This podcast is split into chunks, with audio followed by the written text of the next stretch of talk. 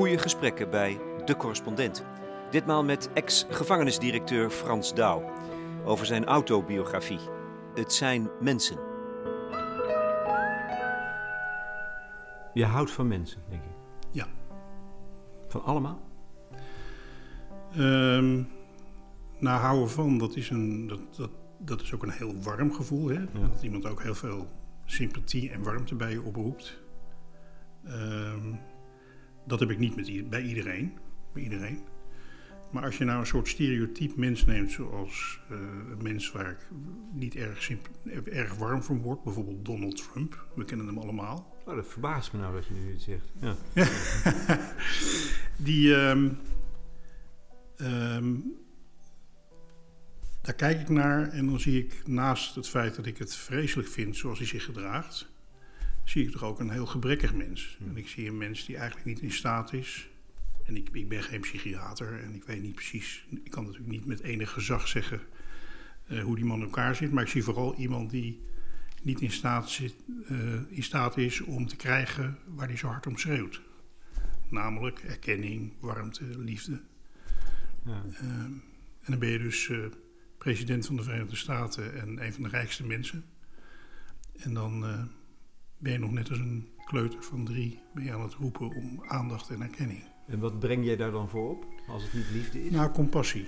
compassie. Ik, uh, ik heb een gevoel van, um, ondanks het feit dat ik echt niet weet hoe die, wat die man ervaart in zijn leven, want dat kun je niet weten, denk ik van, goh, wat, uh, uh, wat eenzaam moet dat zijn. En wat jammer dat je een heleboel dingen niet kan ervaren die, wat mij betreft, het, juist, het leven juist de moeite waard maken.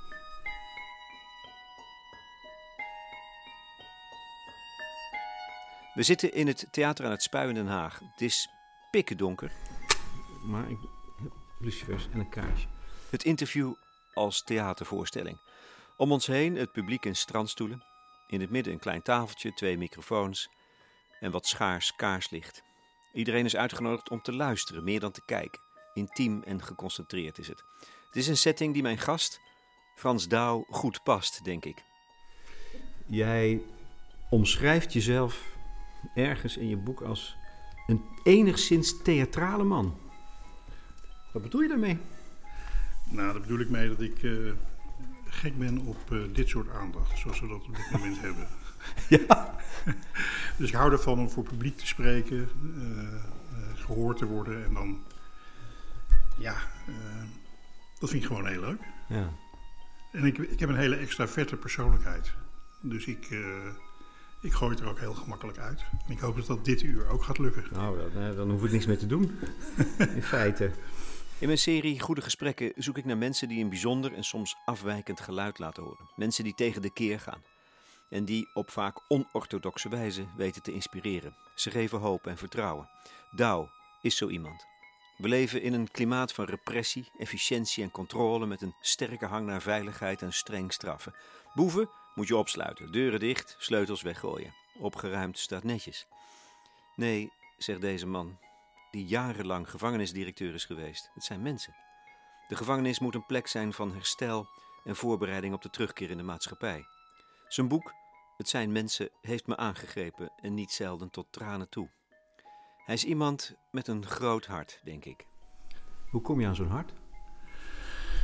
Ja, um, ik. Uh, uh, een, een, deel daarvan is gewoon. Uh, zo, zo, ben ik ook gewoon geboren. je kan zeggen, dan, uh, dan lijk je ook heel erg op je moeder en op je oma.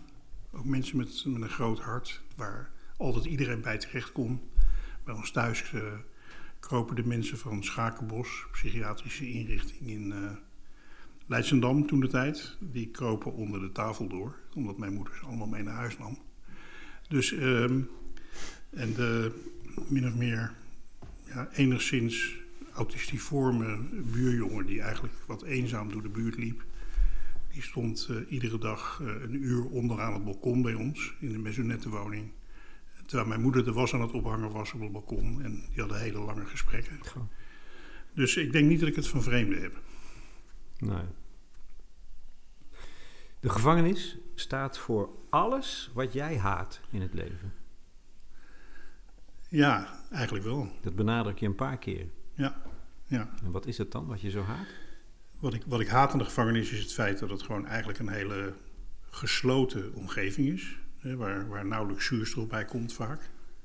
Uh, heel repressief, heel hiërarchisch. Uh, en wat ik dan vooral daaraan haat, is dat eigenlijk iedere gevangenis ter wereld uh, heel gevoelig is voor een aantal hele destructieve dingen.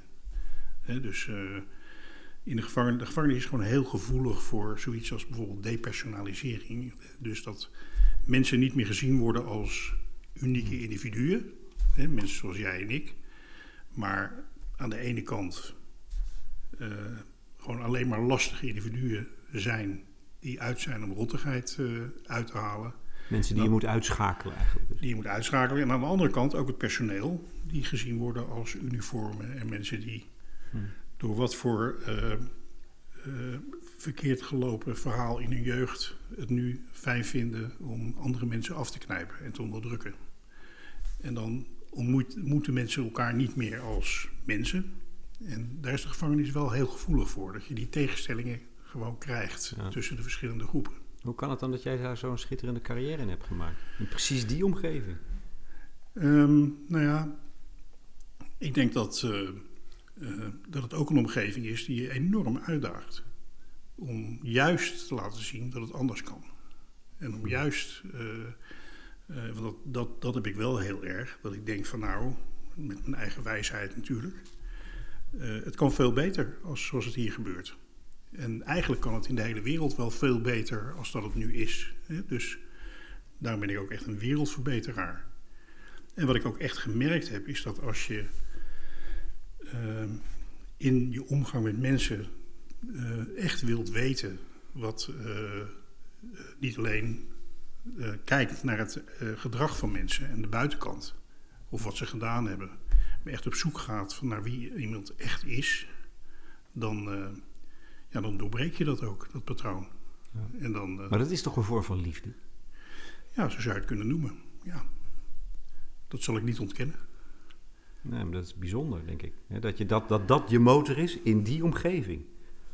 Ja, maar als je, toch, als je, als je met een lamp wil schijnen, hè, om een beetje in de sfeer te blijven, dan doe je dat het liefst in een donkere omgeving. Ja. Denk ik.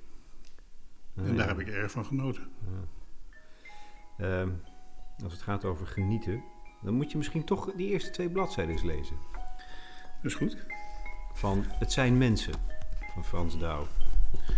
Als jij een lichtje voor oh, me hebt, dan... Ja. Uh... ja, de kaarslicht is te weinig. Want ik ben ook 66, hè? Ja, dat is genoeg, hè? Ja. ja. Je moet nog even naar boven, Frans, zei Tina, de secretaresse. Die dame die haar kind om het leven heeft gebracht. Ze heeft een collega in het gezicht gespuugd.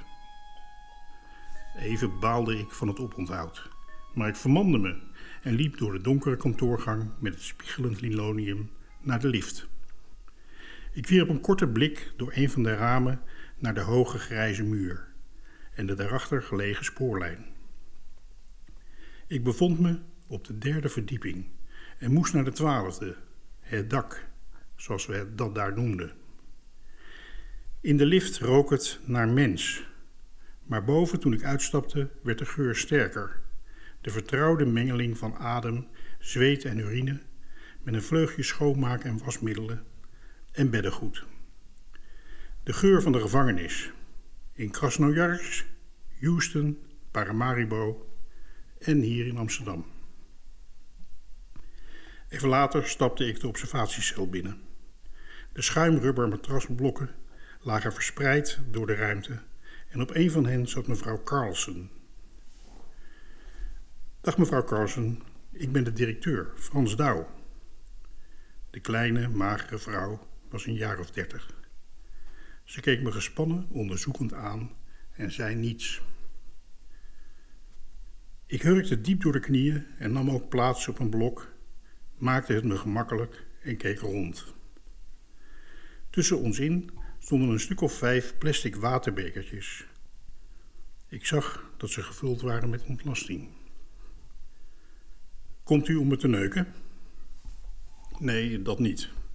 Ik kom even kijken hoe het met u gaat. Grappig, Ik ben hier namelijk niet. Oké, dan zit ik hier even als u het goed vindt. We zwegen een tijdje. Ik rook een weeige lucht, maar had daar geen last van. Ik ontspande me. Mevrouw Carlsen observeerde me aandachtig. U bent een lieve man. Dank u, fijn dat u dat zegt. De mensen daar komen me hier elke dag neuken. Welke mensen? Zij allemaal. Ze knikte naar de deuropening. Twee collega's stonden in de cel, twee op de gang. Ik ga mijn best doen, zodat u rust krijgt. De dokter komt straks. Ik wil geen pillen meer. Het belangrijkste is dat u zich goed gaat voelen. Als de dokter komt, ben ik er niet. Ik moet naar Den Haag, daarom heb ik dit pak aan. Maar ik kom deze week nog een keer langs. Lenigheid was niet mijn ding, dus stond ik met enige moeite op uit de diepe zit, bukte me voorover en pakte haar fragiele witte vingers in mijn beide handen. Sterkte mevrouw. Ze antwoordde niet en terwijl ik de cel verliet, keek ik nog even om en zag de starende blik waarmee ze me nakeken. In de trein naar Den Haag belde het afdelingshoofd. Toen de collega's de deur weer opendraaiden, kregen ze de volle laag. Poep en pies midden in hun gezicht. Ze zijn naar huis om zich om te kleden. Ja. Zo open je je boek. Zo doet Frans Douwert. Ja. Ja, wat, wat, ehm, eh, wat ik zelf herken als ik het eh, teruglees, dan is het inderdaad iets wat ik eigenlijk nu nog steeds doe. Eh, ook als ik jou ontmoet, we hebben elkaar net voor het eerst ontmoet. En dat is proberen gewoon open en zonder iemand te ontmoeten. En ja, dat, dat en, en ook heel geïnteresseerd in van, goh, wat is dat voor iemand? Ja. Dat is natuurlijk, kijk, het is, het is misschien voor jou vanzelfsprekend. Ja, Maar ik denk dat dat een zeldzame kwaliteit is. ik, ja, ik weet niet of het zo zeldzaam is, dat weet ik eigenlijk niet. Ik weet wel dat, dat eh, Nee, maar waarom krijgen die collega's dan onmiddellijk de volle laag met poep en pies? nou, het kan natuurlijk gewoon geluk zijn, hè? Dat ik gewoon... Nou, eh, daar geloof ik niks van. Nee, daar geloof ik echt helemaal niks van. Ehm, nou ja, wat ik denk is dat, ehm, eh, zoals ik daarover denk en naar kijk, ehm, is het ontzettend belangrijk dat als je mensen tegenkomt, dat je ze op een manier tegenkomt waarin jij op je eigen vierkante meter blijft, zeg maar, Eh, even spreekwoordelijk, en de ander op zijn eigen vierkante meter laat. Dus als je, als je niet aan iemand gaat prutsen of met hem aan de gang gaat of van alles van hem wil of dingen voor hem in gaat vullen. Maar wel laat weten van hé, hey, ik zie jou. Ik ben hier, ik heb jou gezien. Ik weet ook dat jij mij gezien hebt. Wat eigenlijk de meest basale vorm van contact is. En je laat de ander en kan hem ervan overtuigen dat, je, dat, hij, zich, dat hij mag zijn wie die is. Dan, ehm, eh, en dat moet, natuurlijk, dat moet natuurlijk wel echt zo zijn. Hè? Je moet, dat moet authentiek zijn, anders trappen mensen er niet in. Dan is bijna iedereen die ik tegengekomen ben, ook in de gevangenis, ook mensen die heel erg in de war waren, komt een stukje in beweging. En vanaf dat moment probeer je zo goed mogelijk aan te sluiten bij die ander. Dat is eigenlijk wat, eh, wat denk ik de manier is waarop ik, het, eh, waarop ik het probeer te doen. En waarmee je dan dus wonderbaarlijke resultaten boekt. Niet altijd, dat snap ik ook al. Maar je kan dit dus ook in het geval van mensen die extreem gewelddadig zijn. Of onberekenbaar, die angst inboezemen. Ja, ja ik heb een, ehm, eh, dat is wel eens eh, tegen me gezegd door Frank Beijer. Dat was de directeur van de geneesche directeur van het Pieter Baan Centrum. Een historische figuur eigenlijk in het Nederlandse strafrecht. Hij is al jaren dood. Die zei tegen mij van Frans, je hebt eh, heel zelden voorkomende eigenschap dat mensen zich veilig bij voelen. Dus dat iedereen zich eigenlijk veilig voelt bij jou. En ik denk dat dat, dat, dat wel iets is wat, eh, wat ik met me meedraag. En dat doe je dan. Maar, dat, maar dat, dat, dat hè, wat je net omschrijft, als je methode bij wijze van spreken, of je levenshouding, wat is het? Frans Douw zijn. Ehm, nogmaals, dat kan je dus ook bij mensen die, die, die ook echt, want je hebt extreem gewelddadige situaties meegemaakt. Ja. Ja. Dan blijf je dat volhouden. Ja, zeker. Zeker. Zeker. Ja, het is eigenlijk, het, is, het, is, het klinkt een beetje als, uh, als een soort tovermiddel, maar dat is het eigenlijk niet. Het is eigenlijk een soort vertrouwen wat, uh, wat ik heb in de mens. En, in de, en dat ieder mens eigenlijk iemand is zoals ik. En niet een soort, uh, niet van een andere planeet komt of een soort monster. En dat betekent dus dat ik er heel erg op vertrouw dat op het moment dat ik op mensen afstap, dat, uh, dat, ik, dat ik een ander mens tegen kan komen. Hm. Waarmee ik iets kan. Dus dat vertrouwen, vanuit dat vertrouwen.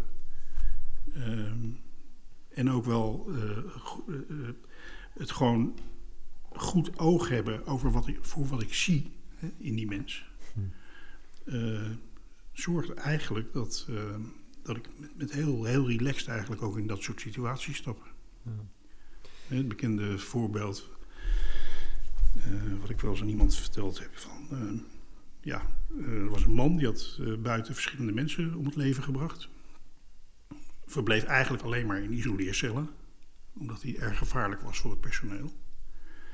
En op enig moment op die isoleercel heb je zeg maar dat je kartonnen bekertjes krijgt en een pollepel om je eten te eten voor de veiligheid. En toen had het personeel kennelijk vergeten om die pollepel mee te nemen uit die cel. Die had hij ergens verstopt. En toen stapte ik die cel binnen en ja, toen stond hij echt... Wat ik altijd deed was de cel binnenstappen. Het personeel bleef bij de deur. En ik ga ook om die ontmoeting aan te kunnen gaan. En toen stond hij ineens met dat ding voor, me, voor mijn borst.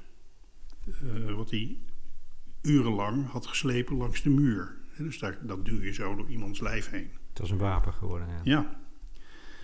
En uh, ik zei tegen hem van... Goh, wat heb je goed gemaakt? Zeg, laat eens even zien. Ik pakte het. en ik gaf het aan het personeel. En toen zijn we verder in gesprek gegaan. En dat, dat zijn geen dingen die je natuurlijk bedenkt. Maar ik denk wel dat je nee, dat maar dat is type, dit, dit is volgens mij de sleutel. Je bedenkt het niet. Nee. Het is geen theorie. Het komt ergens vandaan. Waar komt het vandaan? Ja, ik denk, ik denk uh, uh, verbinding met, met alles. Ja. als ik in, de, in, in, in Alaska bij wijze van spreken op een boomstam zit in the middle of nowhere... of tussen de daklozen in, in Dallas of gewoon in Amsterdam... Ik heb wel altijd overal het gevoel dat ik niet alleen ben. Dat ik verbonden ben met hm. ja, iets, uh, iets, iets groters als mijzelf. Ik dat iedereen het had, wat jij hebt. Ja, ik ben er ook heel. Uh, ik denk dat ik ook een zondagskind ben, wat dat betreft. Uh, ik ben ook een zondagskind. Ik ben op zondag geboren. En mijn moeder zei dat ook regelmatig: je bent een zondagskind. En dat, ik denk dat dat wel klopt. Nou, ik ja. denk dat dat niet klopt als ik je jeugd een beetje beschreven lees. Maar daar komen we zo nog wel even op. Er is denk ik van superbelang is dat jij uh, de gevangenis niet ziet als een plek van vergelding of wraak of straf, maar een plek voor herstel. Mm -hmm. dat is hè, in, in, theoretische zin volgens mij wat je drijft. Uh, dat is een visie op het gevangeniswezen. Zou je iets willen vertellen over Gilles in dit verband? Ja, Gilles. Um, Gilles was een, uh, een, een, een, jongetje uit Amsterdam-Noord. Al, al, vrij vroeg in allerlei jeugdbendes uh, zat hij. zat wat kortere en wat langere straffen uit kwam bij de Hells Angels en werd ook een, ja, een, een beruchte figuur in binnen- en buitenland. En wel iemand die, waarvan uh, zeg maar de, het OM en de politie wel dacht van... goh, hoe we het doen, doen we het, maar die man moet van de straat af. Wat hij overigens zelf ook zal erkennen, dat het ook wel heel erg nodig was... dat hij van de straat af, af, af zou gaan. En Gilles die, die kwam op een gegeven moment, werd hij veroordeeld voor een, tot een levenslange gevangenisstraf voor het om het leven brengen van een, een vrouw en een paar kinderen.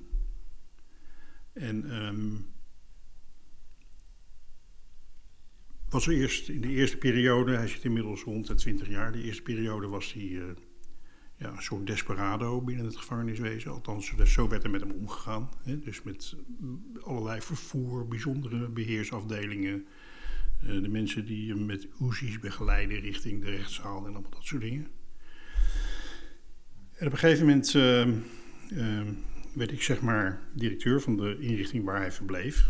En, toen uh, dat, was, dat was een nieuwe inrichting die aan mijn inrichtingen werd toegevoegd, omdat uh, de directeur met pensioen ging, een inrichting voor langgestraften. En toen uh, zag ik dat alle binnenplaatsen nogal een, een, verwaarloosde indruk maakten. Met een hoop onkruid en een hoop ellende. En een van de belangrijke wetten natuurlijk voor, een, een, voor iemand als ik is dat je een mooie omgeving moet hebben. En een goede omgeving om iets te doen aan het klimaat in een inrichting. Dat is ontzettend belangrijk. En de andere is dat uh, je graag wilt dat uh, gedetineerden een positieve bijdrage kunnen leveren binnen en hun talenten kunnen gebruiken en ontwikkelen. Dus ik vroeg van, joh, uh, wat een zootje is dat buiten, joh. Hoe komt dat? Ja, er is een, het onderhoud is hartstikke duur. Ik zeg, maar waarom laat je het de gedetineerden niet doen? Laat ze een tuin aanleggen of wat dan ook en uh, dat soort dingen. Ja, maar de vorige directeur was bang dat ze dan uh, hasjes zouden gaan kweken, hennep zouden gaan kweken. Dus dat mogen wij niet. Wij mogen niet allemaal plantjes binnen, binnenbrengen. Nou, volgens mij uh, is dat geen enkel probleem. Dus toen ben ik in het weekend naar de Dekamarkt gegaan. Daar heb ik een paar tassen met plantjes gehaald. En die heb ik daar in die teamkamer neergezet en gezegd van jongens, ga maar eens met de gedetineerden praten wat je eraan kon doen. Nou, toen stak Gilles dus zijn vinger op. Die is gek op uh, planten. Zijn vader was ook kweker. Dus had er ook veel verstand van. En uh, ook iemand die zelfs op de, de Duitse kanaal, wat hij op zijn tv'tje had, alle tuinprogramma's aan het kijken was. Zou je niet verwachten hè, bij een gewelddadige Hells Angel. En, uh, en Gilles is gewoon aan de gang gegaan.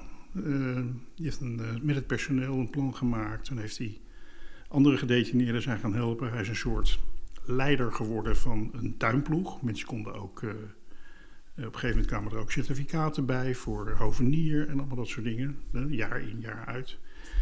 En na een jaar of vijf um, waren alle binnenplaatsen omgetoverd tot fantastische tuinen. Met uh, uh, kassen, met vijvers, met grote kooikarpers, met er werd van alles verbouwd, van Madame Jeannette tot tomaten, tot van alles en nog wat.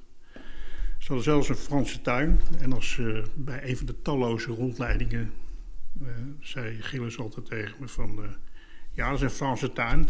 Vanwege hem daar. En dan wees hij op mij, weet je wel. Van,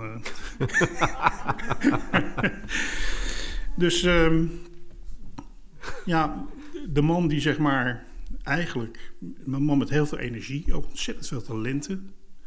Uh, hij kon ook gewoon alles laten rijden natuurlijk. Hè? Dus, dus hij heeft allemaal oud, oud tuinwagentjes en tractortjes en allemaal dat soort dingen heeft hij lopend gekregen. Er werden kettingzagen gebruikt. Er werden, uh, hij heeft daar een heel groot, een enorm tuinhuis hebben ze er gebouwd, waar allemaal gereedschap zat en werkplaatsen en weet ik van wat allemaal.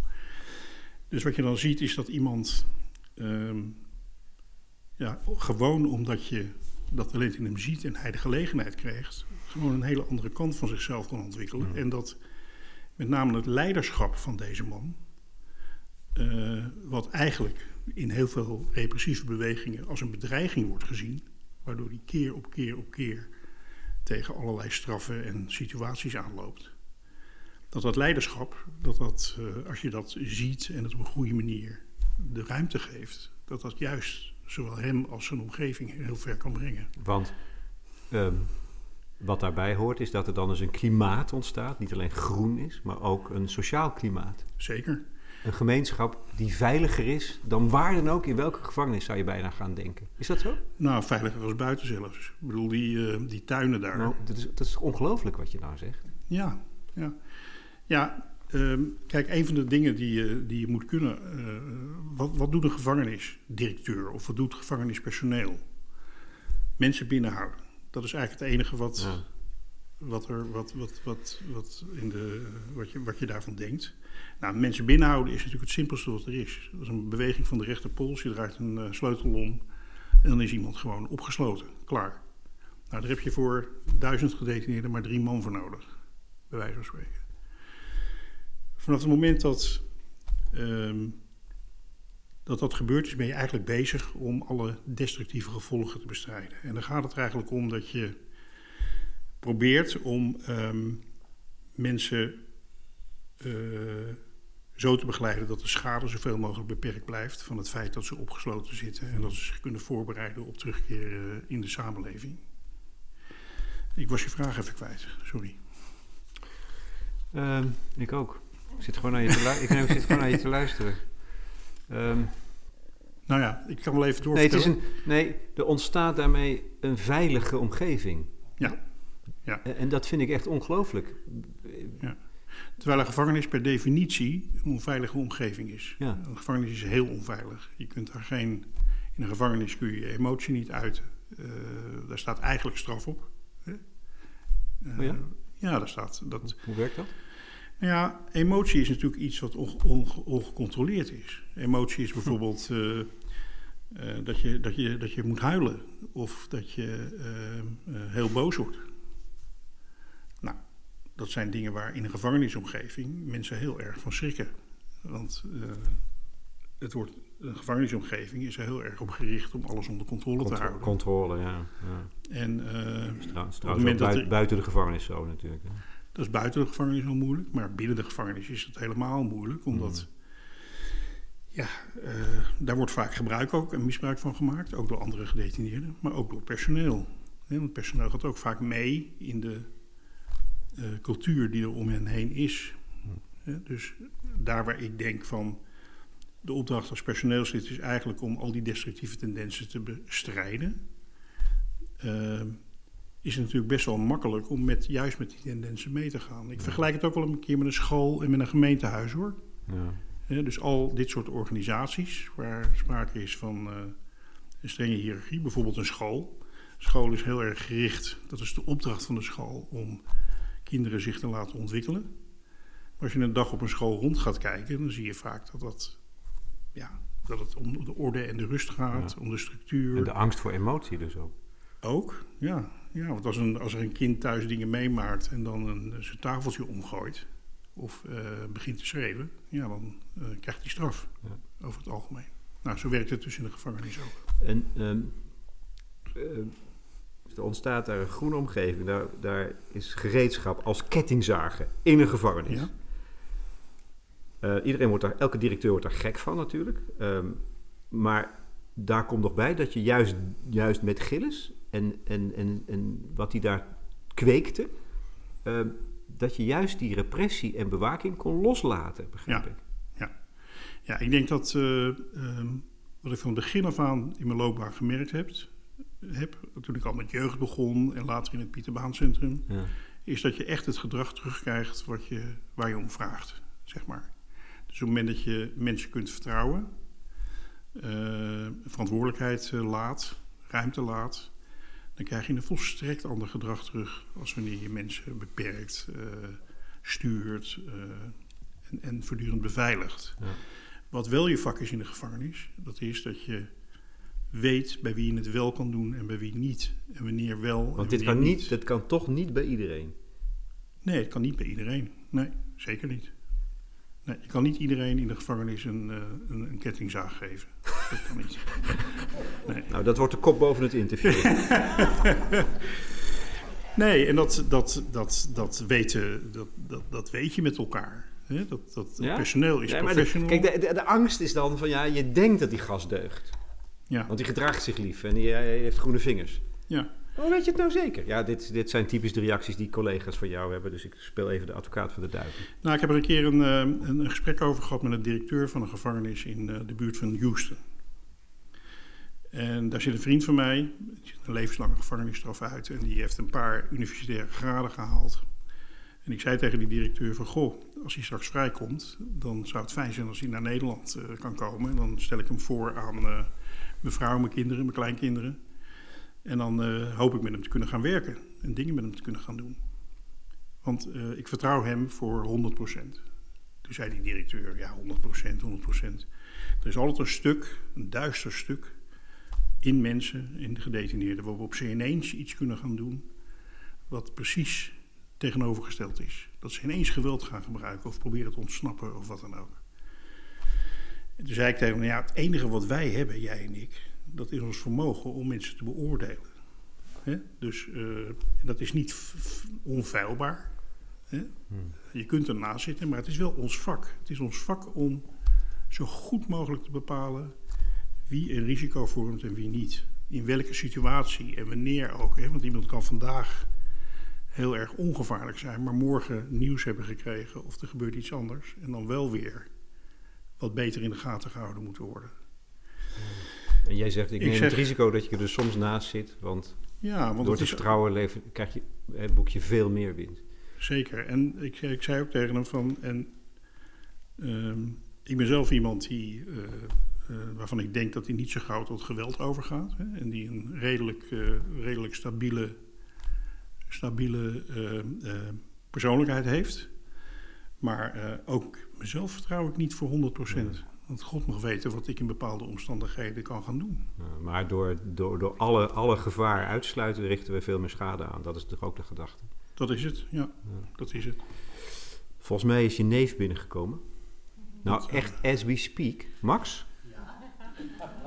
Jij komt nu binnen, hè? Ja. Dat is fijn.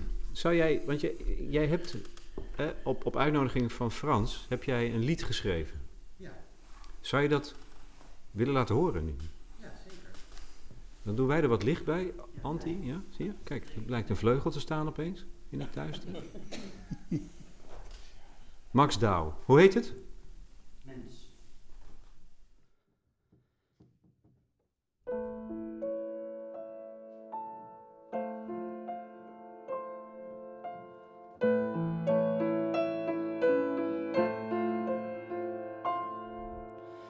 Ik heb geprobeerd om alle beelden voor mooie klanken in te ruilen en een pakkend lied te schrijven maar ik kan alleen maar huilen.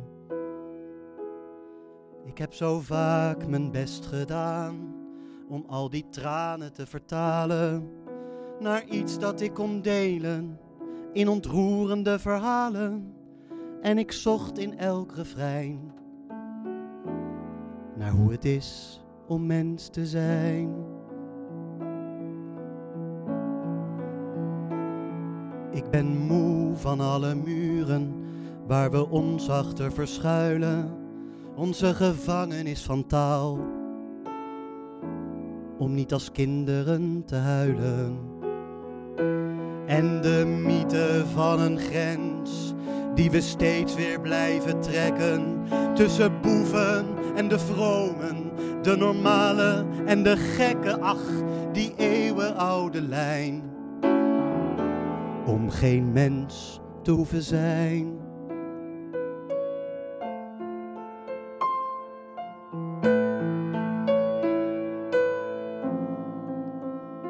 Want om vrij en onbevangen als een kind te kunnen leven, zal ik jou toch vroeg of laat een keer moeten vergeven.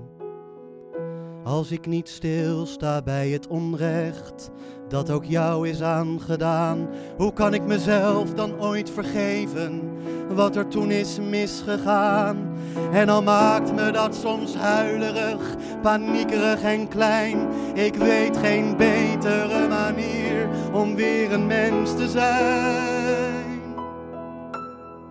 Een mens te zijn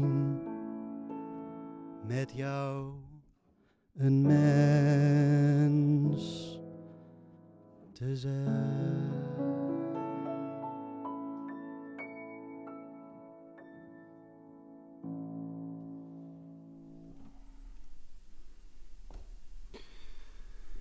Zo. Had je het al gehoord? Nee. Nee, ik, uh, ik, ben er, ik word er wel emotioneel van. Ja. Ik ook. Heel mooi. Dankjewel, Max. En wat raakt je dan nu?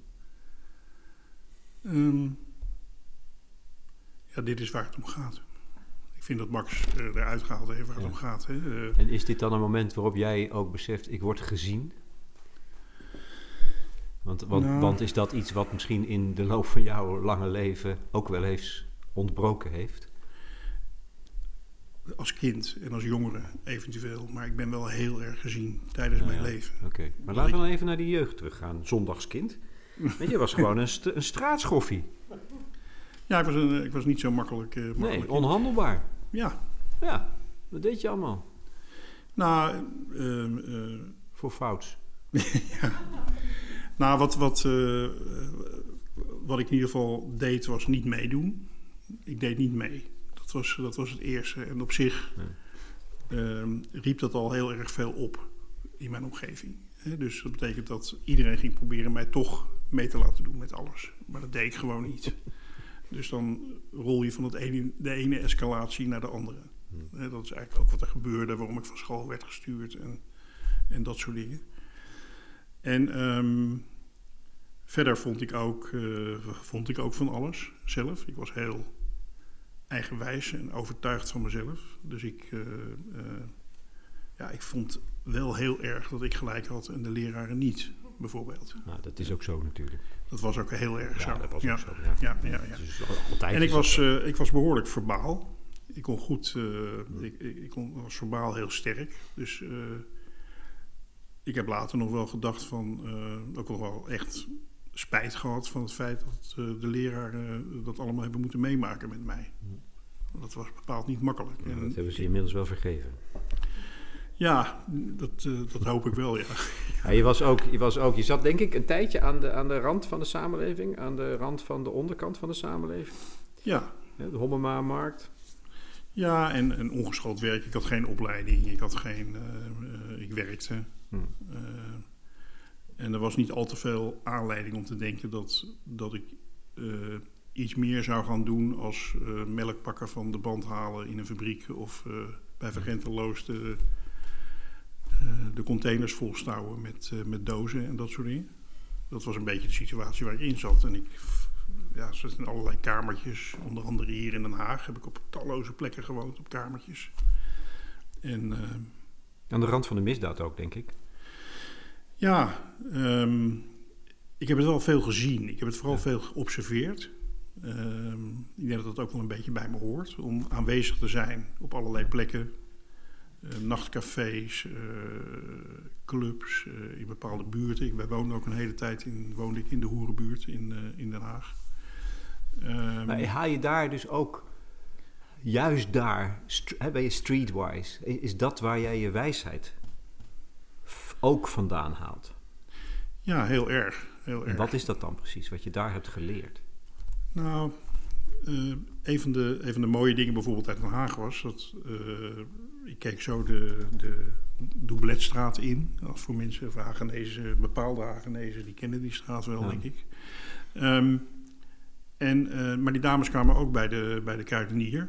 En, en ik viel buiten de business, omdat ik gewoon een buurt, buurtbewoner was. Ja, en als je dan met de dames in gesprek was, dan, dan zag je eigenlijk hele andere dingen. Ja. Dan zag je eigenlijk van ja, jij had mijn zus kunnen zijn. Of mijn, uh, hm. of mijn moeder. Of, uh, en dat, dat moment is al, denk ik, heel belangrijk. Dat is voor mij geweest. Ja. Dat is een belangrijke ontdekking geweest. Niemand moet denken dat hij een haar beter is. Precies. En dat is ook gewoon echt niet zo. Het is ook echt niet zo. Mensen in... in, in als je ziet hoe, hoe kinderen bijvoorbeeld uh, ongelooflijk hun best doen, hun hele jeugd, om hun ouders te redden, om uh, uh, zelf te proberen te overleven in allerlei omstandigheden. Soms met hele. Met een, met, met, met een aantal eigenschappen die ze van nature hebben meegekregen, die het eigenlijk heel moeilijk voor ze maken om dat te doen. En uh, dan denk je van, tenminste dat denk ik dan, als ik die mensen ontmoet, van jij bent gewoon hetzelfde als ik. Alles wat in mij zit, zit ook in jou. Ja. Dromen, verlangens, de wens om betekenisvol te zijn voor andere mensen. Maar het lukt jou gewoon niet, om een aantal, aantal redenen. En dan heb je hulp nodig. Ja, hulp nodig. En iemand, iemand die kijkt, die gewoon goed kijkt, denk ik. Ja, die vooral ook, uh, die, die in ieder geval meteen ook ziet uh, uh, dat, je, dat je energie hebt, dat je talent hebt, dat je, dingen wil. Dus dat, dat vervelende jongetje, waarvan eh, de meeste mensen misschien wel denken van... eh, nou, dat, ik, ik heb dat op smokscholen bijvoorbeeld, waar ik wel eens kom. Ja, ik denk dat de meeste mensen, als ze in zo'n lokaal binnenkomen, denken van wa- waar is de ME, weet je wel.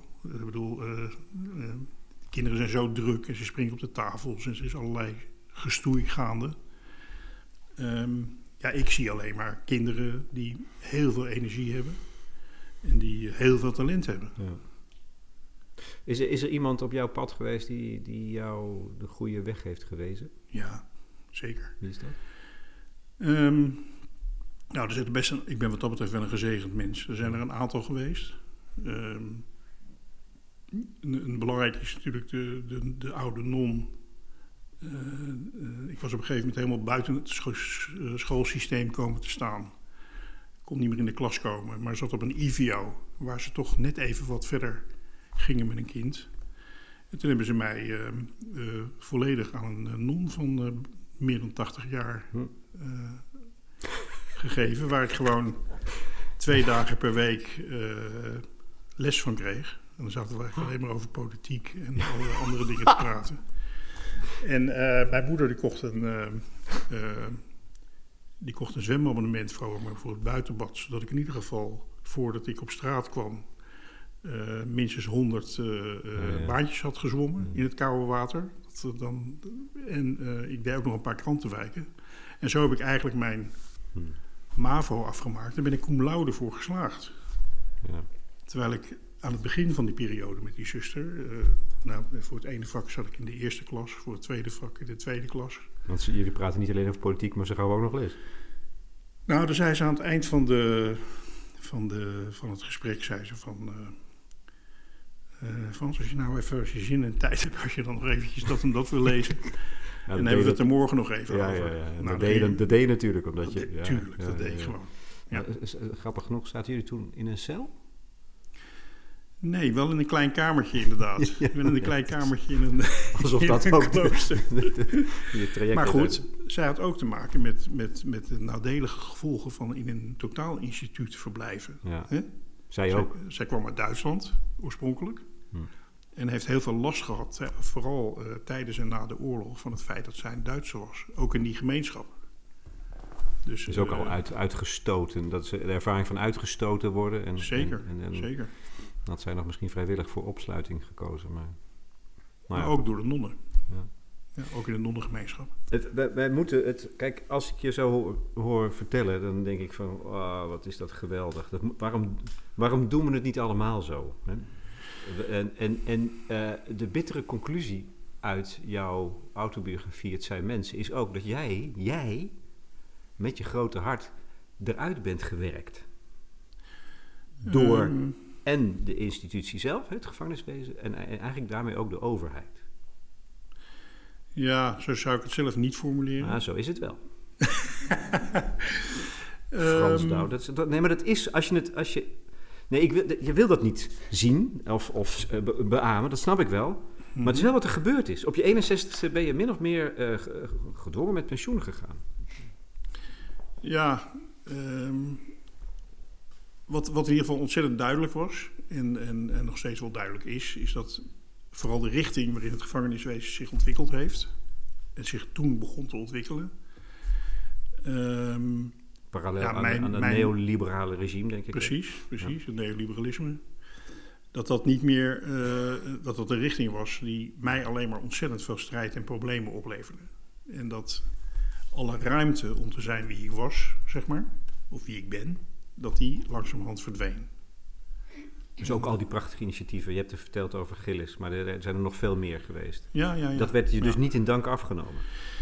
dubbel. Aan de ene kant was er ontzettend veel waardering voor.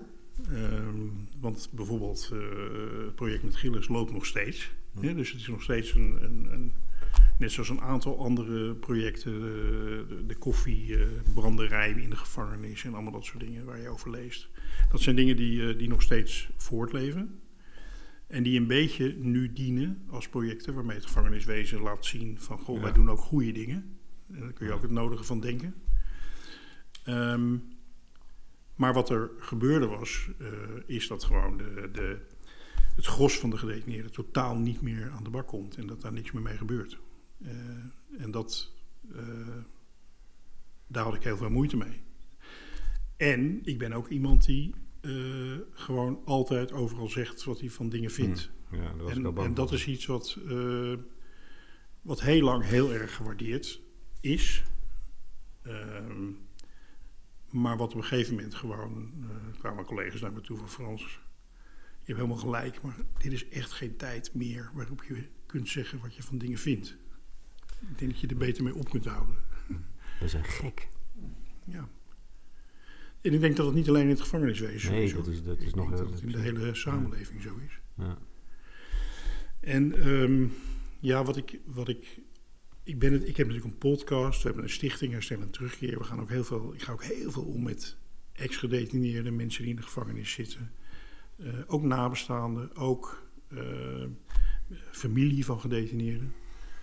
Ja, en wat ik bijna overal bespeur, is dat niemand uh, zich durft uit te spreken over dingen.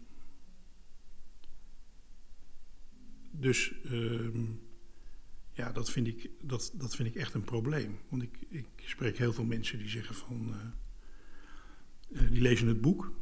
En uh, ik heb daar talloze reacties van, ook binnen uit het gevangeniswezen van gehad. En die zeggen van, uh, prachtig boek. En dat gaat ook over mij. Hoezo? Dat is ook mijn visie. Daarom doe ik dit werk. Hmm. En wat je allemaal meegemaakt hebt, dat heb ik ook meegemaakt.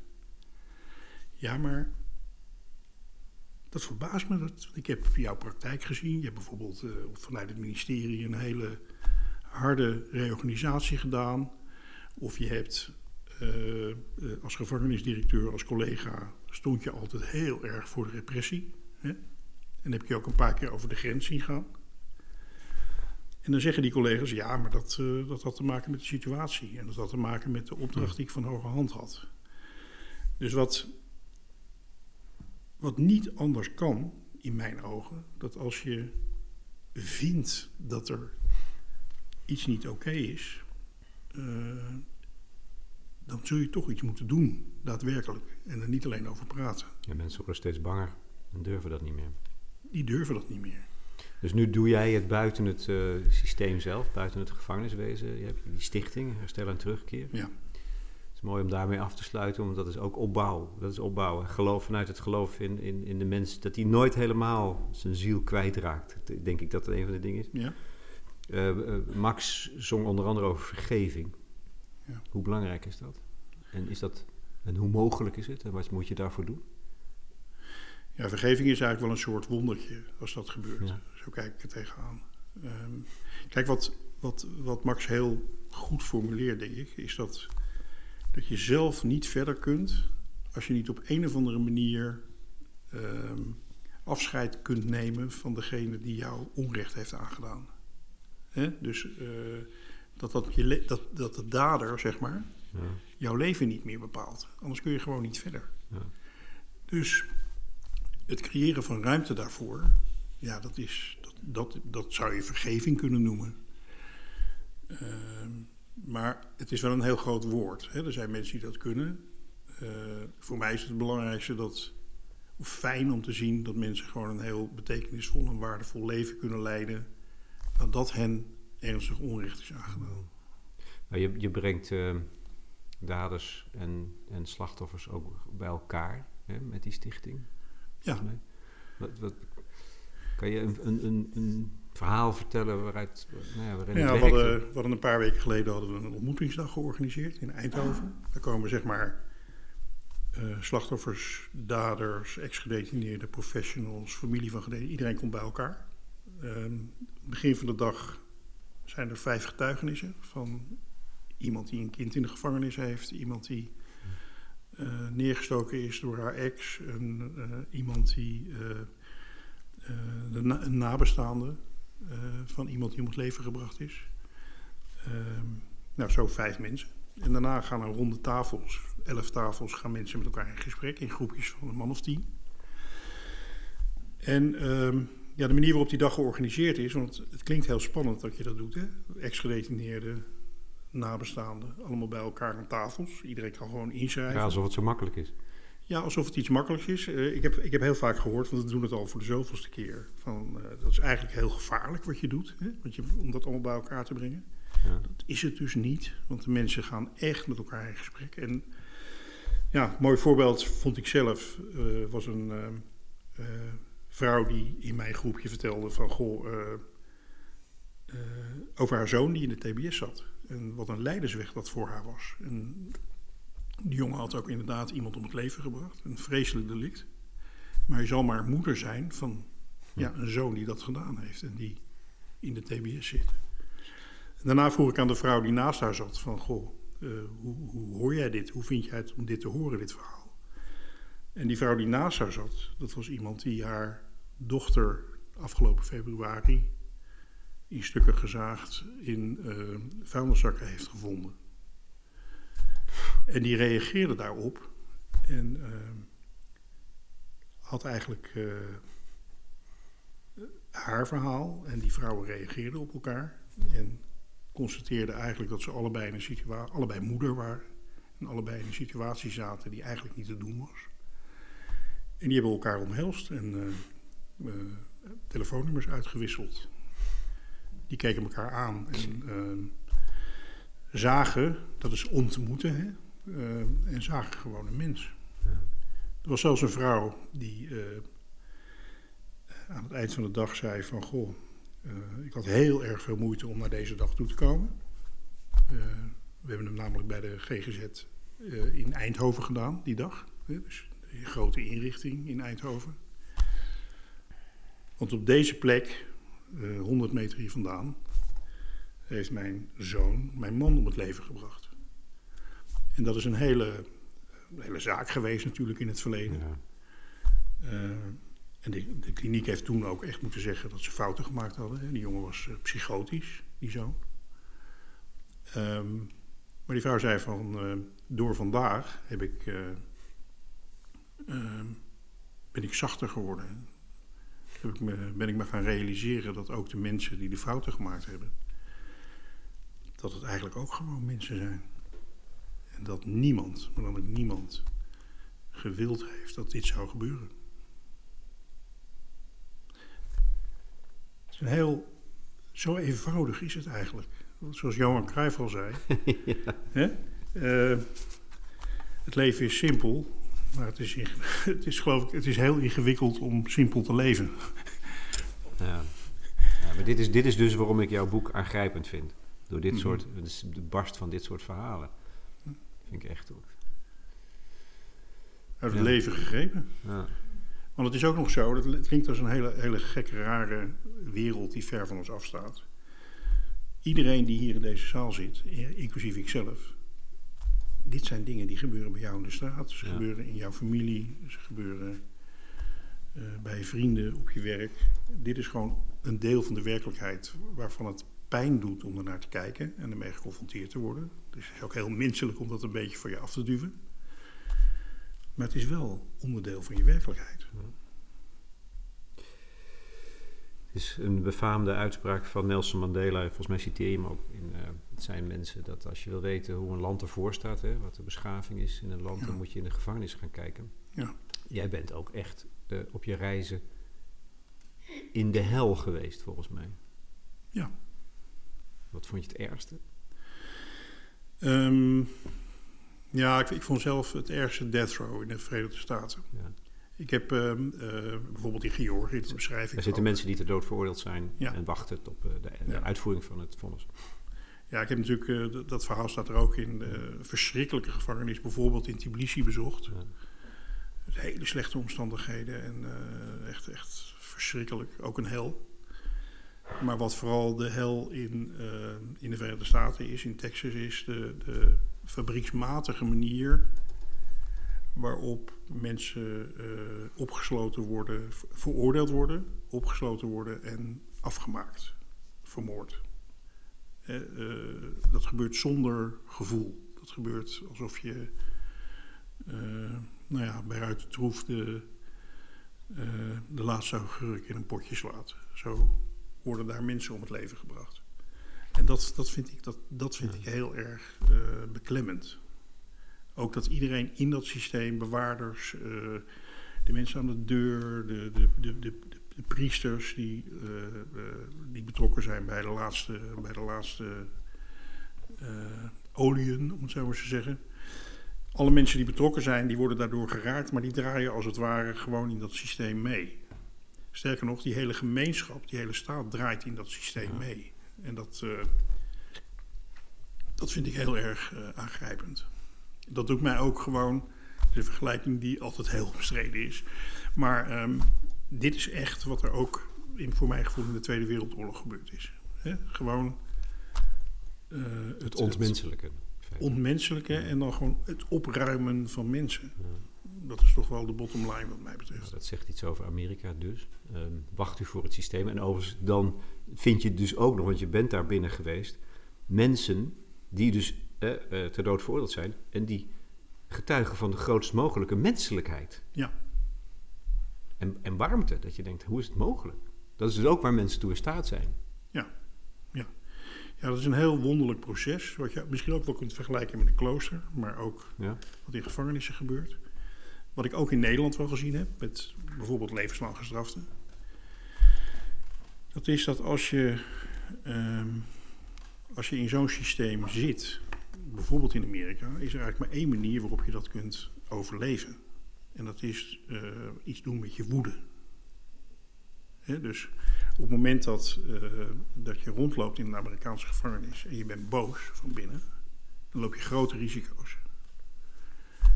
Uh, dus je lost het, en dat los je niet op door jezelf in te houden of zoiets dergelijks. Of jezelf aan te passen. Dan ga je ook dood. Ja, dus als je 10, 20, 30 jaar in de gevangenis zit, dan moet je op een gegeven moment toch iets, dan moet er iets van binnen gebeuren, waardoor je iets met je woede doet en vervolgens ook um, een, een, eigenlijk een geweldloos mens wordt.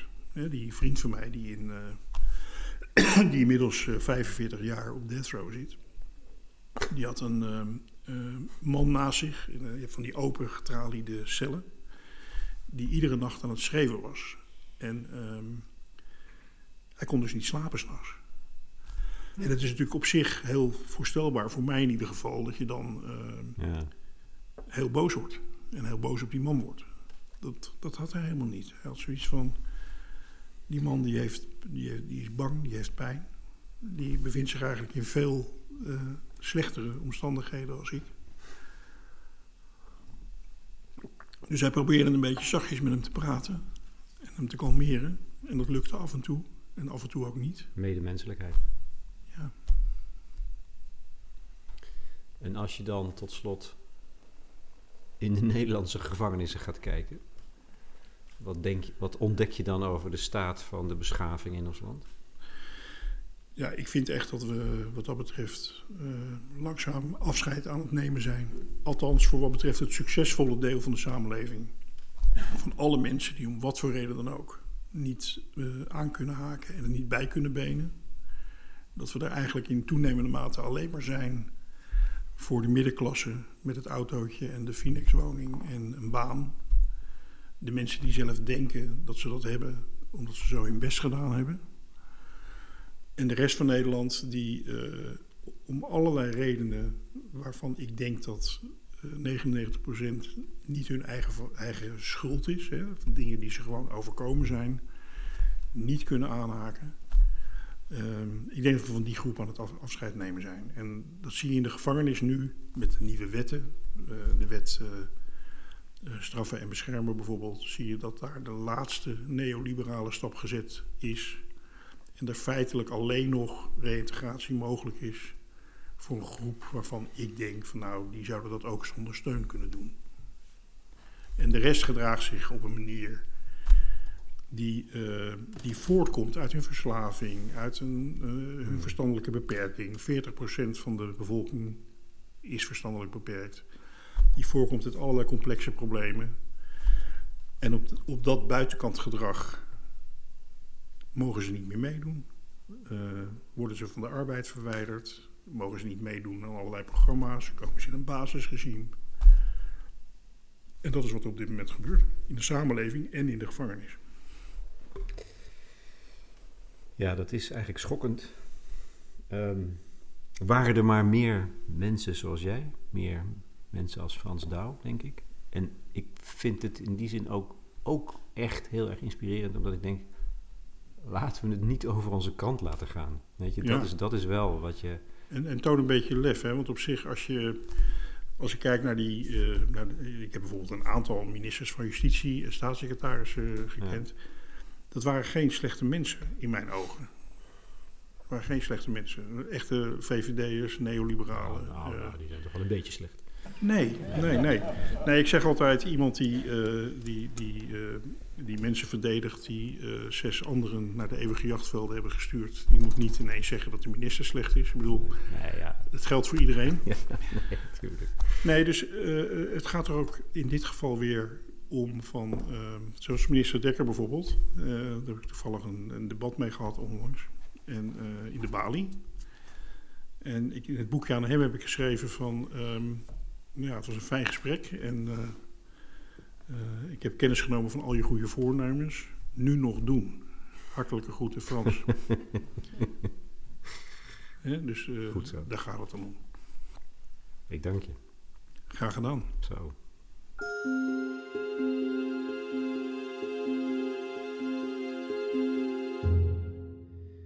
Frans Douw in gesprek met Lex Bolmeijer voor de correspondent over zijn boek Het zijn mensen. Dat eerder dit jaar verscheen bij Atlas Contact. En ik noem het nog één keer omdat het zo waardevol is. Douw is nog steeds actief voor de stichting Herstel en Terugkeer. Hebben jullie behoefte om erover door te praten? Dat kan op ons platform. Dat is toegankelijk voor leden. En je bent al lid voor zeven tientjes per jaar. En daar krijg je dan een jaar lang kwaliteitsjournalistiek voor voorbij de waan van de dag. Nog even een opmerking over de muziek. Ik gebruikte eh, muziek van het laatste album van Kate Moore, getiteld Revolver. En Max Douw schreef het liedje Mens op uitnodiging van zijn oom Frans. Hij liet het in het theater, Theater aan het Spui, twee keer horen op verzoek van een toeschouwer. Ehm, die toeschouwers die zelf ook nog wel wat vragen hadden. Bij wijze van epiloog, van toegift, geef ik er nog twee mee. Ja, ik ben Eva Robertson uit Amsterdam. En eh, ik had een vraag. Als je nou van begin af aan jouw wensgevangenis of jouw ideale gevangenis zou maken. Ten eerste, hoe zou je zo'n plek noemen? En ten tweede zou het samenbrengen van daders en slachtoffers, zoals Mandela dat in de vergeldings of de, de, de, de commissies toen gedaan heeft, hebben, eh, heeft, zou dat een onderdeel zijn hiervan? Ja, heel, hele mooie vraag. Waar ik heel graag eh, iets op zeg. Ja. voor mij begint het ermee dat eh, als het misgaat met mensen, met kinderen in de buurt, ehm, dat je nu ziet dat we wel zien dat, er, eh, dat een kind problematisch gedrag heeft, dat, er, eh, dat hij misschien in een onveilig gezin eh, opgroeit, maar dat we onszelf eh, daar vaak van afkeren. Hè? Ehm, eh, we willen ons er niet mee bemoeien. We vinden het ook moeilijk om ons ermee te bemoeien met wat er in zo'n gezin gebeurt. Dus we sluiten ons eh, hek ervoor. Onze kinderen mogen daar niet meer spelen, enzovoort, enzovoort. En op een gegeven moment gaat zo'n kind misschien eh, eh, strafbare feiten plegen. En dan willen we er helemaal niks meer mee te maken hebben. Dus het begint voor mij met de gedachte dat als er een kind in jouw of mijn buurt eh, dit soort gedrag vertoont, dan hoef je daar niet met je hulpverleners schoenen naartoe te banjeren om eh, de situatie op te lossen. Maar waar je wel mee kan beginnen, is eh, het kind en de ouders laten weten dat je ze ziet. Dat je ze. Eh, en, en daar waar mogelijk eh, misschien een wat veilige plek bieden. Hè? Gewoon een beetje eh, een plek waar ze misschien wel kunnen spelen. Of een praatje maken van: Goh, wat heb je leuke schoenen aan? Zijn ze nieuw? Hè, dus laat Dus het het begint weten. al, begint al veel daar eerder. begint het. Ja, Daar begint zeggen, het begint al voordat je iets begint te bouwen. Vervolgens, als het dan misgaat met een kind ehm, en hij gaat naar de gevangenis of naar een jeugdinrichting of wordt volwassen. Een houding van, eh, het is misschien, hij heeft rottige dingen gedaan, maar het is wel, en het is misschien een rot kind of een rot mens, vind je het. Maar het is wel mijn rot mens, het is wel ons rot mens. Het is wel iemand uit onze buurt en uit mijn straat. Ik denk dat dat een heel groot verschil zou maken. Eh 80% van de gedetineerden in Nederland zit korter dan een half jaar. Dus die komen allemaal weer terug. Dus een model wat eh, eh, ontwikkeld is door een Belgische gevangenisdirecteur en wat echt zeg maar uitgegroeid is tot een Europese beweging, waar ik ook onderdeel van uitmaak. Dat heet Rescaled. En die zeggen eigenlijk van Hoe, hoe zeg je precies? Rescaled. Rescaled. Oké. Ja. En die zeggen eigenlijk van eh, eh, gevangenissen moeten om te beginnen kleinschalig zijn. Ehm, dus eh, eh, eh, alleen in kleinschaligheid kun je het individu als het ware de ruimte geven om zich te ontwikkelen. Ehm, ze moeten maatwerk leveren, dus het moet heel erg aangepast zijn aan de behoeften en de noden van degene die daar zit. En het moet in de gemeenschap zijn. Hm. Dus het, het ideaalbeeld, en we hopen daar over 50 jaar te zijn, is dat eh, eh, als jij in Amsterdam Oost woont, dat Amsterdam Oost gewoon eh, zijn eigen mensen die afdrijven op een gegeven moment weer terug gaat halen. Ja, ja. De gemeenschap in, Mooi. zeg maar. Nou ja. En is er dan ook ruimte voor de slachtoffers in zo'n zo'n opzet? Ja, zeker. Zeker. Als het gaat om de hele.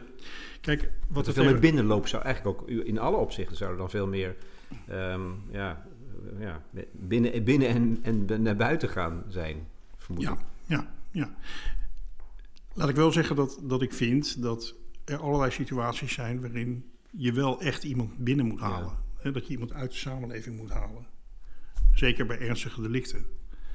Alleen, wat er dan vervolgens zou moeten gebeuren, zou heel erg gericht moeten zijn op eh, herstel. En dan zeker niet alleen van de dader, maar ook van de eh, slachtoffers, nabestaanden en de samenleving als geheel. Je hebt gewoon met elkaar iets te doen op dat moment. Onderdeel van het systeem maken. Ja, ja. Eh, ik eh, heb eh, ook in de gevangenis gewerkt, jaren geleden. Ik herken veel wat hij vertelt. Ehm, waar ik zelf altijd moeite mee had, was de mensen ehm, ja, die bijvoorbeeld totaal gewetenloos waren. Het kan zijn dat ze aangeboren, ehm, dat aangeboren is. Dat is ook iets wat kan. Maar wat kun je daar dan mee? Wat, wat is zijn idee daarbij? Wat deed jij zelf? Ah, moeilijk. Ik heb eh, een paar keer gesprekken met dat soort mensen eh, ook gehad. Ehm, ja, proberen van je af te zetten, want je, je, ja, ik weet niet wat ik daarmee kan. Frans, kon jij daar... De gewetenlozen. Die zijn er ook. Ja, ik vind het een, eh, ik vind het een hele, hele, hele goede vraag. Een hele, hele fijn, fijne vraag om te beantwoorden ook. Want eh, dit is ook wat heel veel, bij heel veel mensen leeft, denk ik. Ehm, ook mensen die niet in de gevangenis hebben gewerkt. Ja. Ehm, wat mijn ervaring is, is dat je ook hier een, een onderscheid moet maken tussen een aantal dingen. Op de eerste plaats tussen het gedrag en de persoon die het betreft. En mensen kunnen zich volstrekt gewetenloos gedragen in allerlei situaties en totaal niet empathisch ten opzichte van andere mensen. Ehm, alleen, de vraag is vervolgens, eh, die ik me in ieder geval stel, is dat wie jij bent? Ben jij gewetenloos omdat je eh, pijn voelt waar je niet mee geconfronteerd wil worden? Dus je loopt weg voor je eigen pijn en gaat daarom andere mensen pijn doen? Ehm, durf je geen verantwoordelijkheid te nemen voor eh, datgene wat je gedaan hebt? Zitten er allerlei trauma's bij jou op basis waarvan je tot dit overlevingsgedrag bent gekomen? Een heel simpel voorbeeld. Als je als kind iedere dag met vuisten door je vader bent afgerost en de enige manier waarop jij dat kon, ehm, daar, daarin kon overleven, was je gevoel uitschakelen. Ehm, dan is het niet zo gek dat je op een gegeven moment dat mechanisme, wat eigenlijk heel goed is dat je dat gedaan hebt, want dat is de reden waarom je niet ten onder bent gegaan, dat dat mechanisme nog heel lang een rol blijft spelen in je leven. Dat je je gevoel dus uitschakelt. En dan gedraag je je als een gewetenloos iemand. Maar er is altijd een weg terug. Ja. Of althans, de, er is In mijn- altijd, er in altijd mijn- de, de bereidheid om dat te proberen, denk ik. Want het zal misschien niet altijd lukken. Nou ja, mensen hebben natuurlijk, de mensen die ik vaak, zeker de mensen die, die hele ernstige dingen gedaan hebben met een hele zware problematiek, die hebben vaak het ook met zichzelf heel erg opgegeven. Want eh, vergis je niet, er is een stigma vanuit de samenleving, maar er is nog bijna groter stigma van mensen naar zichzelf.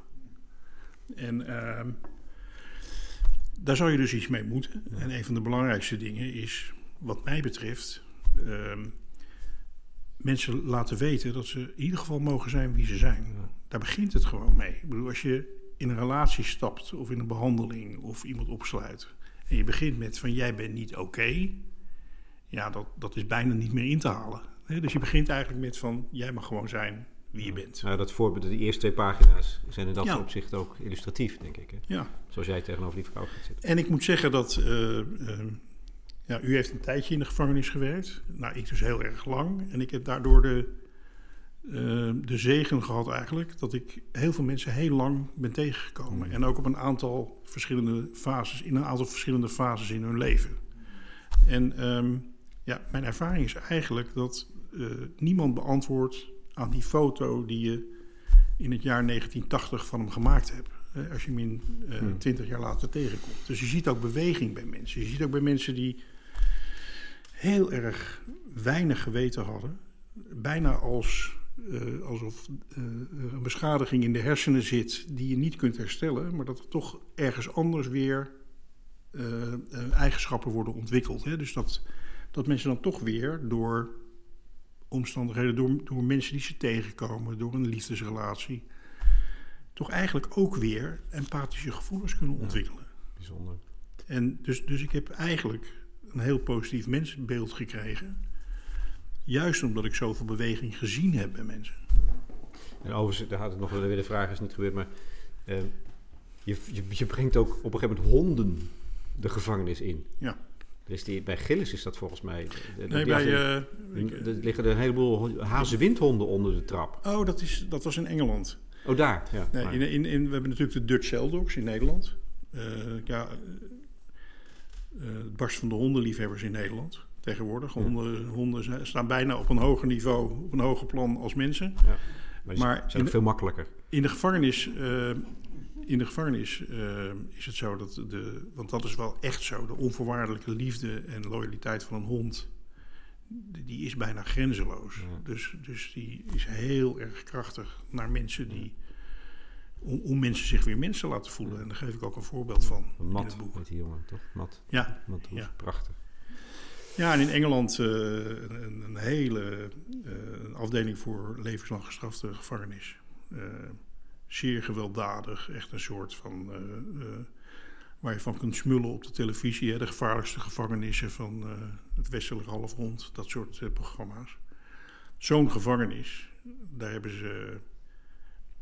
on, in het trappenhuis hebben ze een pensioen, pensioen, pension voor hazewindhonden hebben ze ingericht. En die bewaarder die zei van... sinds die honden er zijn is er bijna geen geweld meer op deze afdeling. Want iedereen houdt rekening met die honden, Ja. weet je wel? Geef iedereen een hond in Nederland. Zo.